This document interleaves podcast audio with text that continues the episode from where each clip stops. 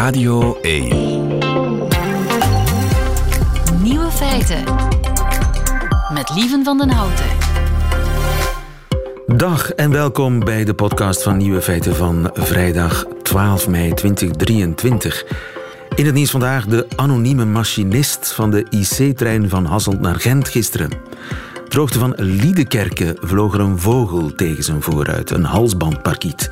Het diertje raakte klem tussen de ruitenwissers, maar leefde nog. Wat te doen? Goede raad was duur en Gent was nog zeker 20 minuten rijden. Dat zou de parkiet niet overleven.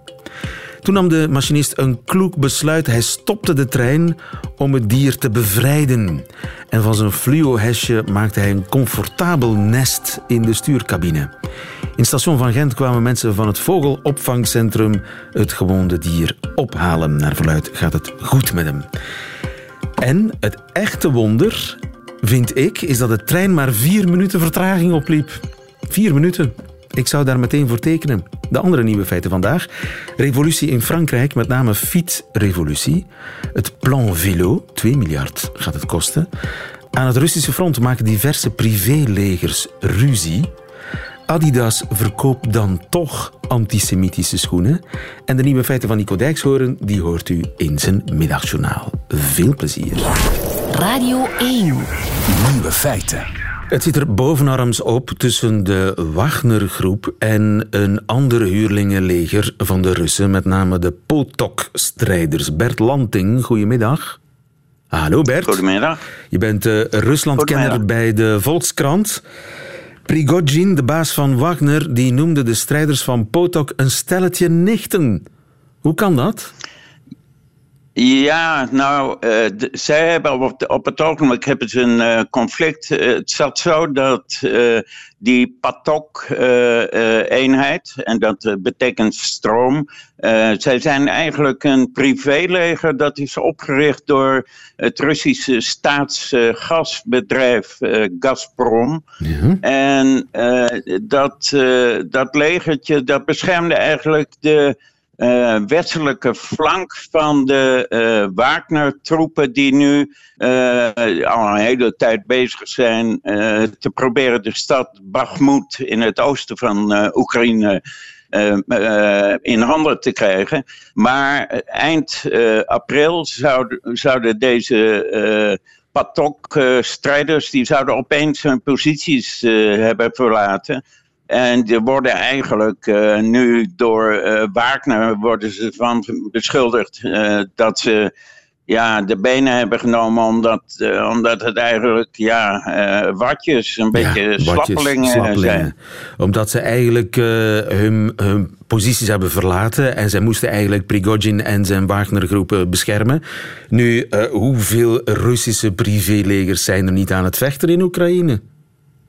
Ja, de- ik denk ook eh, trouwens dat de meeste Russen eigenlijk helemaal niet weten eh, hoeveel eh, privélegers daar nou eigenlijk vechten.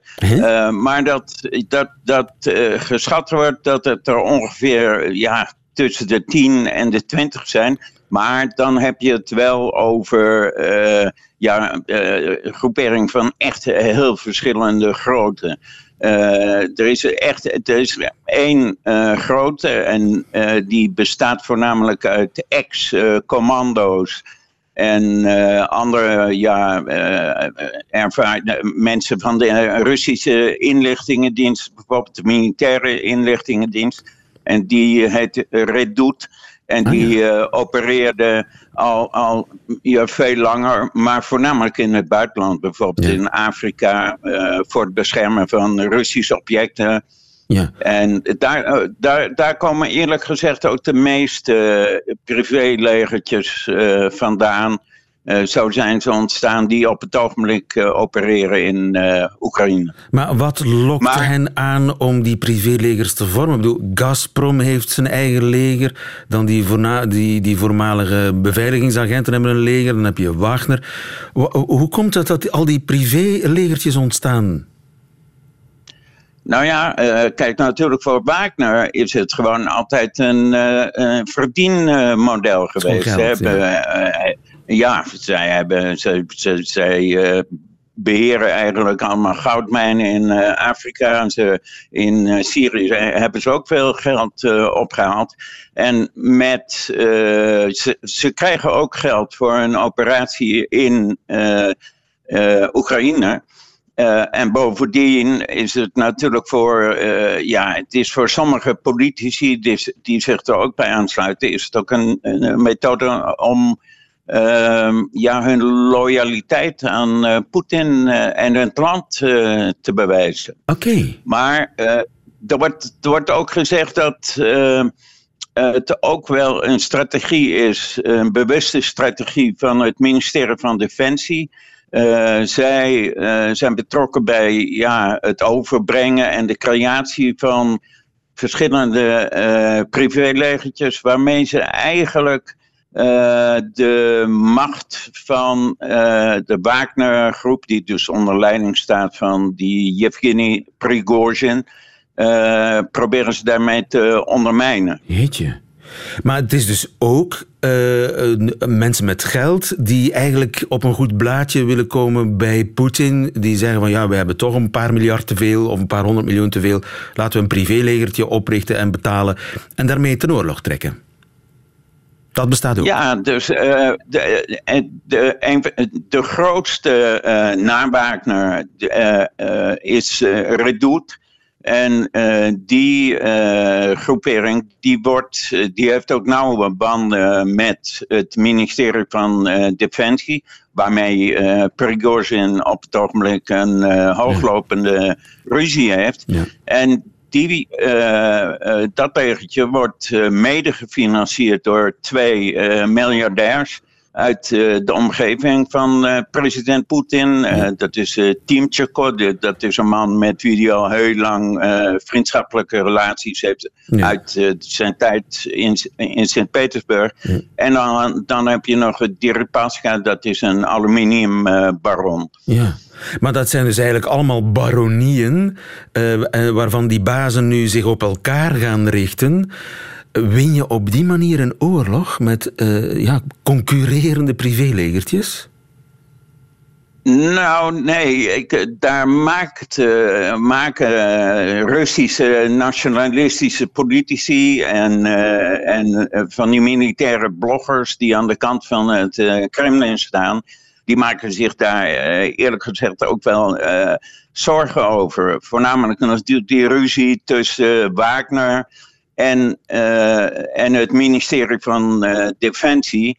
En, en als gevolg daarvan, van, van die hooglopende ruzie Wagner, die, of, Prigozhin, de leider van Wagner, die scheldt ook echt openlijk de minister van de, Defensie, Shoigu, en de stafchef van de Russische strijdkrachten, Valentin Gerasimov ja, die scheldt, die, eh, die heeft al verschillende malen in de meest uh, vuile termen heeft die uh, uitgescholden. De eensgezindheid is ver te zoeken aan het Russische front. Bert Lanting, dankjewel voor deze toelichting. Fijne middag nog. Oké, okay, fijne middag. Nieuwe feiten. Revolutie in Frankrijk alweer. En deze keer is het fietsrevolutie. Jolien de Bouw, goedemiddag. Goedemiddag. Je bent onze vrouw in Frankrijk. Uh, Frankrijk, land dat 2 miljard euro spendeert aan het Plan Vélo. Wat is het Plan Vélo? Daarmee wil Frankrijk dus dat meer Fransen de fiets gaan nemen in plaats van de auto. En uh, die 2 miljard die gaat dan gebruikt worden om enerzijds meer fietspaden te installeren, uh, maar ook om bijvoorbeeld fietsenmakers te ondersteunen en echt die, heel die industrie eigenlijk een boost te geven. Ja, dus heel Frankrijk moet op de fiets. Uh, Frankrijk ja. zit nu nog in de auto. Ja, Absoluut. Voor alles. Het, is echt, het is echt een autoland, want hè, we hebben natuurlijk de Tour de France. Um, maar Frankrijk is helemaal geen fietsland, in feite. Uh, ook uh, de fiets is voor de Fransen meer iets voor een hobby dan een transportmiddel. Aha. Als je bijvoorbeeld op Google gaat intikken cyclist, dan ga je allemaal foto's krijgen van mannen in zo'n, uh, in zo'n strak pakje op een koersfiets. Met hobbels je... op allerlei plaatsen. Voilà, sportieve mannen, helemaal. Ja. Type fietser in, in het Nederlands. En dan krijg je echt een hele race aan jonge mensen, kinderen, mannen, vrouwen op een fiets naar de winkel aan het gaan.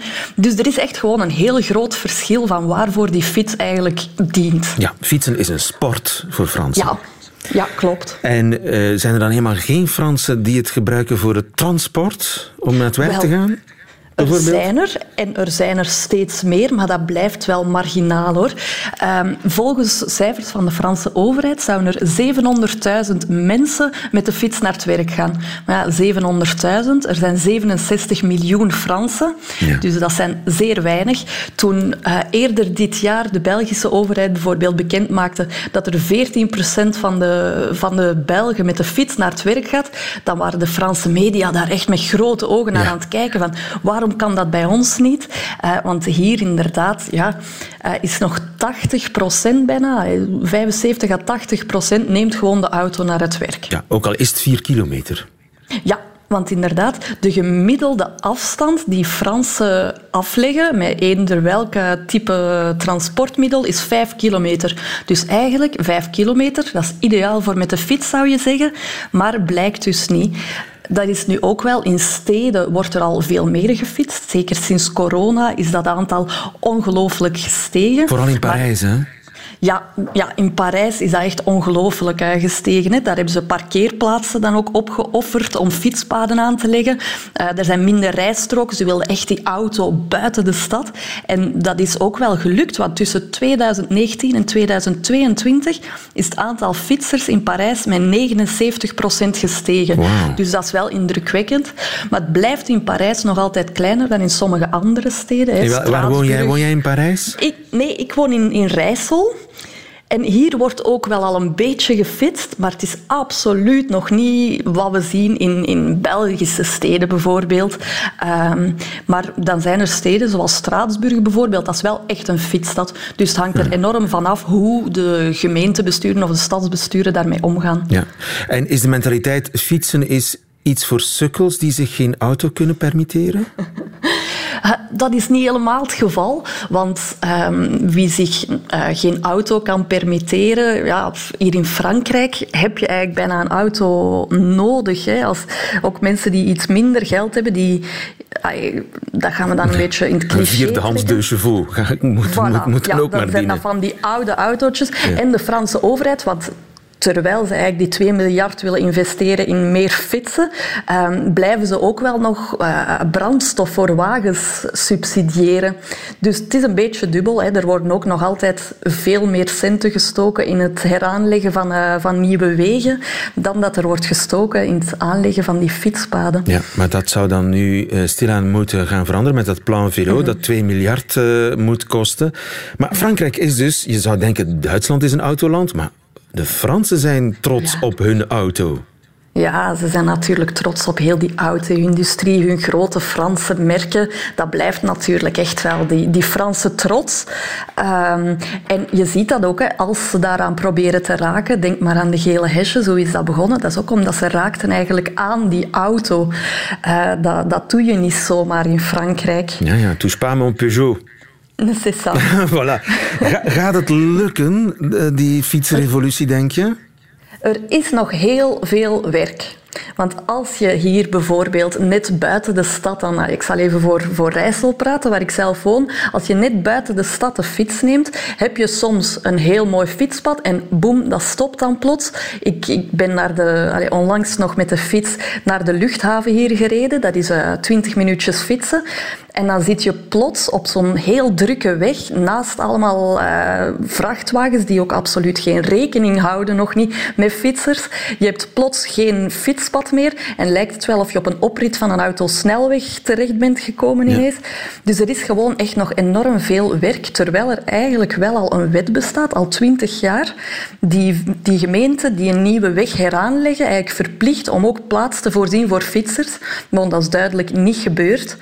Ehm, waardoor dat veel Fransen ook gewoon aangeven, ik durf niet fietsen, want er is gewoon de infrastructuur niet. Ja, en zo blijft het een uh, vicieuze cirkel natuurlijk. Uh, Zonder fietspaden krijg je mensen moeilijk op de fiets. Zo zit dat, maar Frankrijk belooft verandering met het Plan Vélo. 2 miljard gaat er inkruipen, nieuwe fietspaden. En andere fietsbevorderende dingen staan in dat plan. Jolien de Bouw, dankjewel. Goedemiddag. Graag gedaan, salut.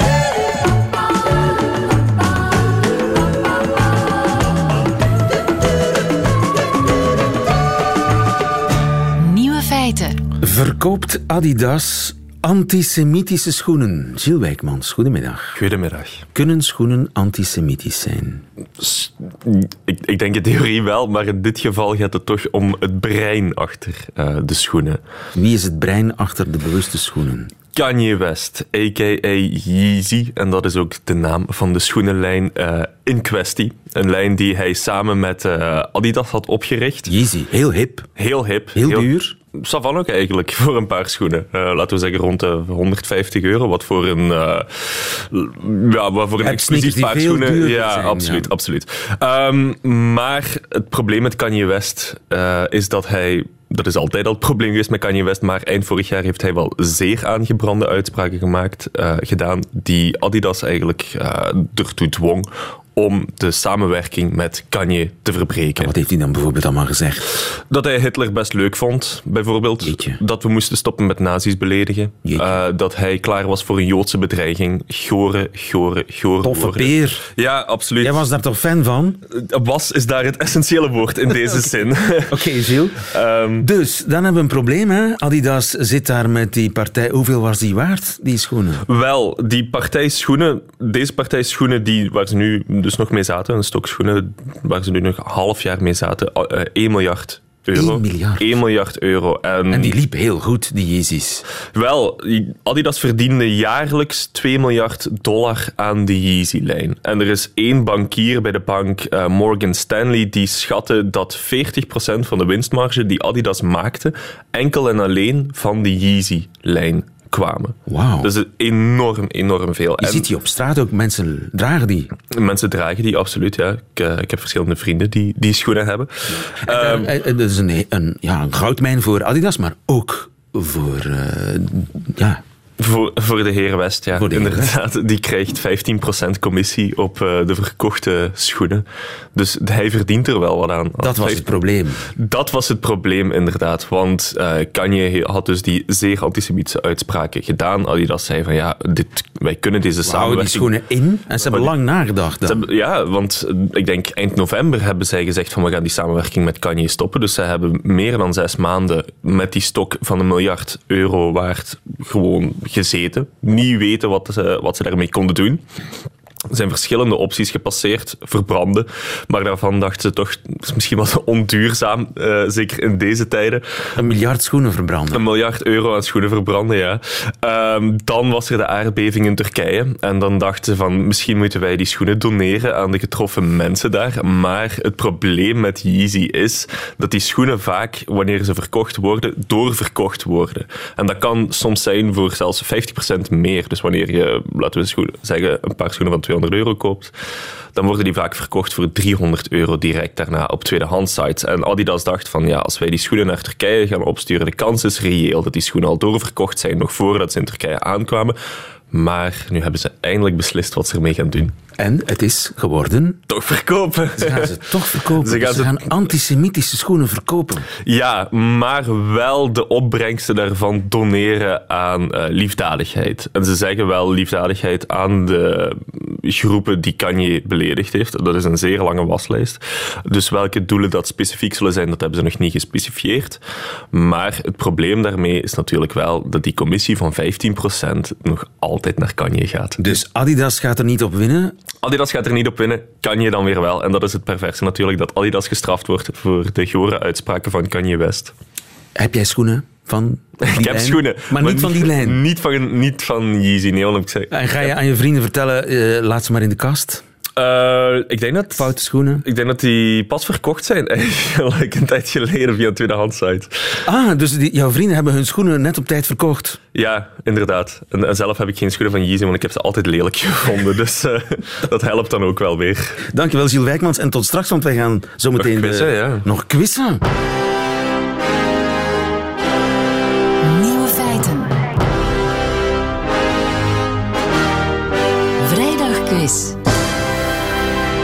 Gelukkig is Gilles hier blijven hangen, want we hebben Gilles heel erg nodig. Uh, Gilles is de bedenker en uh, de jury, de voltallige jury van de Nieuwe Feiten Vrijdag quiz. Nogmaals, mm goedemiddag Gilles. Nogmaals, goedemiddag. Uh, wij spelen voor een boekenbon van 25 euro te verzilveren bij de onafhankelijke boekhandelaar aangesloten bij Confituur. En wij spelen met Lut. Goedemiddag Lut. Goedemiddag. Lut Koekelbergs uit Schelle, waar was je mee bezig?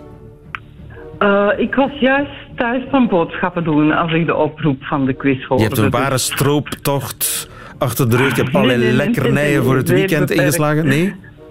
Nee, gewoon de apotheker even langs gegaan. Dus dat was Moet ook gebeuren. Een strooptocht was het. Luut, ik wens je veel succes, want je speelt tegen Lode. Lode uit Goedemiddag. Isegem. Lode van Assen, wat was jij aan het doen? Ik was een verslag aan het schrijven van een, een optreden van Grantley Philips gisteren in te schakelen in Waregem. Van, van Philips? Van welke groep? Grantley Philips. Grantley Philips. Uh, en wat voor, is dat een muziekgroep?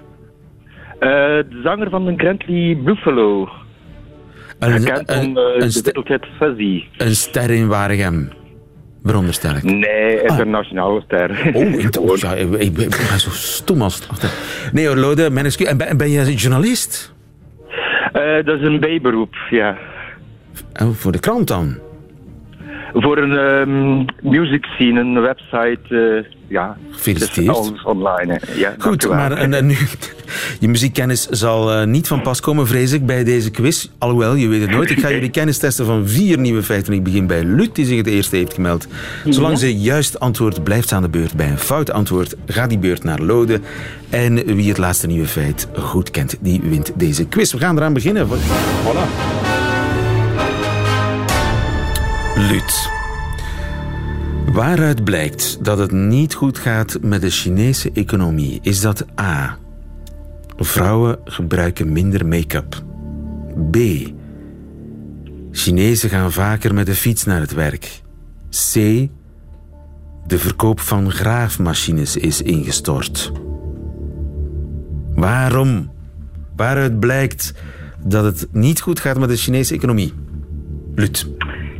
Ik ga voor A. Fout! Mm. Lode. Ik ga voor C. Dat is helemaal goed. Wauw.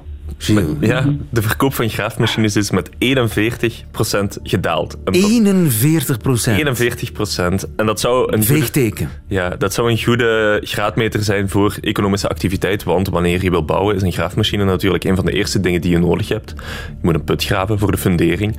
Juist. En uh, dat betekent dus dat er ook minder gebouwd gaat worden in China. En als er minder gebouwd wordt, ja. dan is dat sowieso een teken dat het niet Van goed gaat. Van le bâtiment va tout va, zeggen sommige mensen. Als de bouw gaat, dan gaat alles. En de bouw gaat niet meer in uh, nee. China. En we weten dat omdat uh, de graafmachines niet meer worden gekocht. Vraag 2 is voor Lode.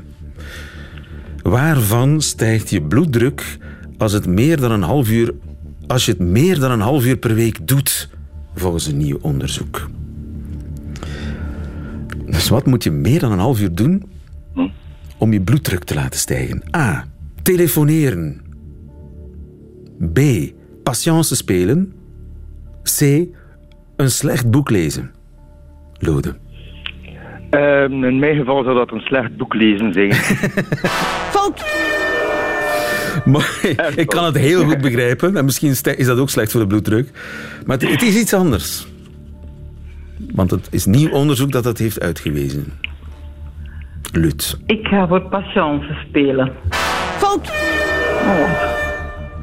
Telefoneren. Te- telefoneren, inderdaad. En dat blijkt uit een onderzoek waarbij dat de medische gegevens van meer dan 200.000 mensen vergeleken werd met hun telefoongebruik.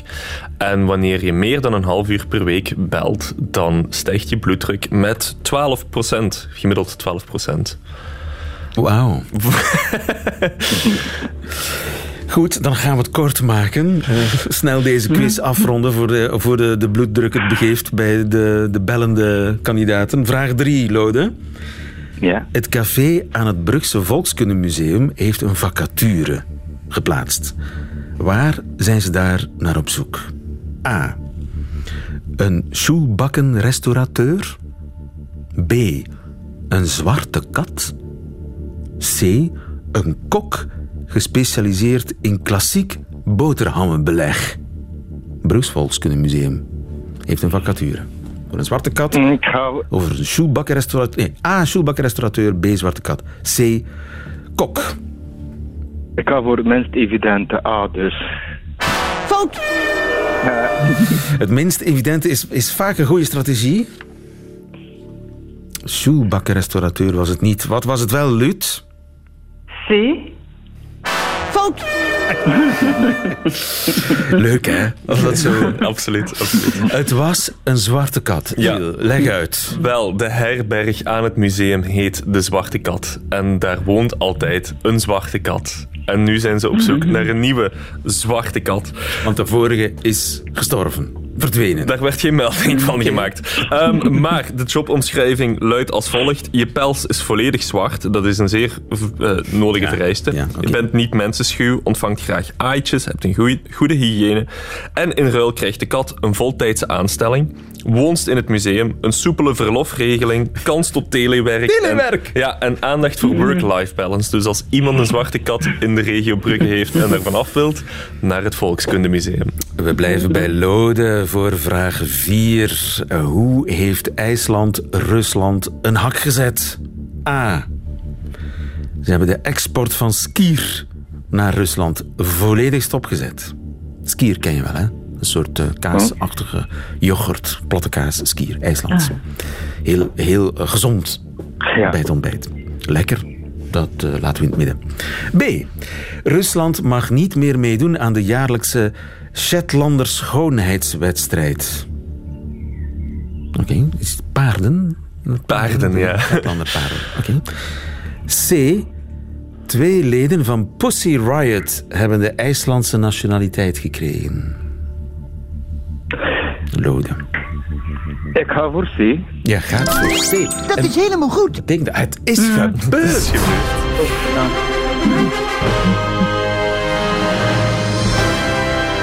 Gefeliciteerd, Lode. Had je het Toch wel iets verwacht? met muziek, hè? Ja, ja, toch iets met muziek, voilà, zie je wel. Je hebt er een voordeel bij gedaan, Lode. Je gaat, Eh, weet je al welk boek je gaat kopen voor je 25 euro? Eh, Paul Sexton, Charlie's Good Tonight. eh, biografie van Charlie Watts. Oké, voilà, muziek. Weer muziek. Weer muziek. Goeie keuze, dankjewel, Lode. Veel plezier. Lut, het heeft helaas niet mogen zijn, Nee, klopt. maar ja. volgende keer Ik had beter, voor hetzelfde antwoord gegaan. Voor Ach, kijk, ja, dat is Ja. zo, zo, zo, zo oneerlijk is deze quiz.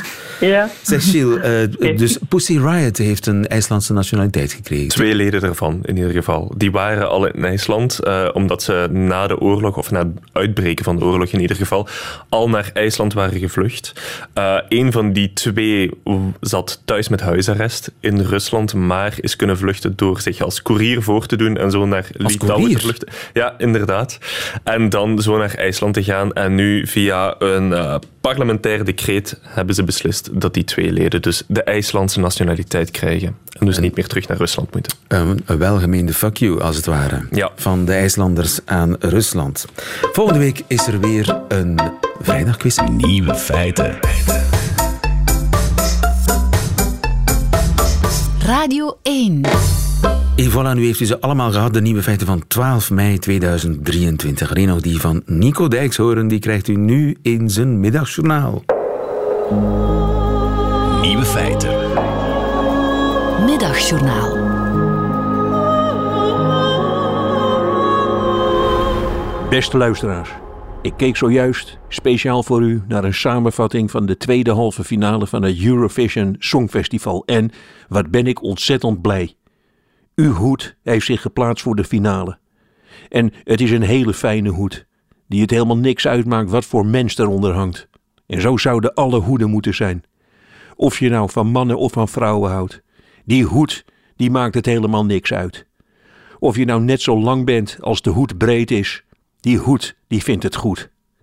Wat mij erg ontroert aan het optreden van Gustav, uw inzending voor dit Songfestival, is dat hij moet dansen op een denderende discobeat, maar dat het gewicht van die hoed hem in de weg zit. Steeds als hij naar rechts wil dansen met die discoheupjes van hem, dan is die hoed nog onderweg naar links. U kunt dat thuis zelf proberen hoe lastig dat danst. Koop een autoband, zet die op uw hoofd en probeer dan maar eens een keer net als John Travolta te dansen. Ik heb dat zojuist ook zelf getest en al na mijn eerste disco shuffle viel ik zijdelings door een glazen tafel met een tractorwiel nog heel strak om mijn voorhoofd. Alle credits dus voor Gustav die het gisteren klaarspeelde. Ik wil het hier ook hebben over alle mannen en vrouwen die tijdens een songfestival net moeten doen alsof ze gitaar of saxofoon spelen. Luisteraars, let u daar maar eens op. Vooral de zogenaamde saxofoonspelers. Die zijn prachtig. Ik zag tijdens de eerste halve finale een man die zijn saxofoon vasthield alsof het een pasgeboren kalfje was. Hij blies erop, alsof hij een vrouw met een rottend gebit mond op mond moest beademen. En dan de namaakgitaristen. Die zijn ook prachtig. Ze hebben geen idee wat ze in hun hand hebben. Er is door een choreograaf tegen ze gezegd: Doe maar gewoon net alsof het je lul is. Dus staan ze allemaal wijdbeens, met allebei hun vuisten om de hals van de gitaar. En die gitaarhalsen die spugen vuur. Het is allemaal heel aandoenlijk. Grote hoeden, grote gitaren en grote achtergrondzangeressen. Dat is ook een heel opvallend verschijnsel tijdens dit songfestival. De meeste zangeressen in het achtergrondkoortje zijn 19 keer dikker dan de graadmagere zangeres. Ik zag gisteren een meisje optreden naast vier of vijf schitterende dikke vrouwen, waardoor zij zelf opeens op een zingend ongebakken stokbrood leek. Luisteraars, dan nog een laatste tip als u morgen gaat kijken. Steun uw land. Participeer tijdens het optreden. Zo zie ik morgen de finale voor mij. Miljoenen Belgen, half naakt voor de televisie, met een saxofoon onder hun arm. En de oude met lood verzwaarde hoed van ome Kees op het hoofd. Hoed van Gustav, we steunen je.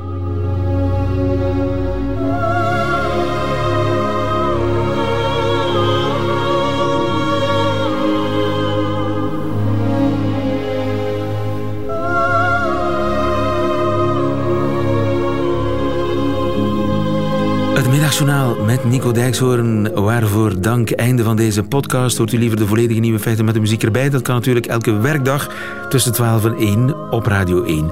Of on demand via de Radio 1 website of app. Tot een volgende keer.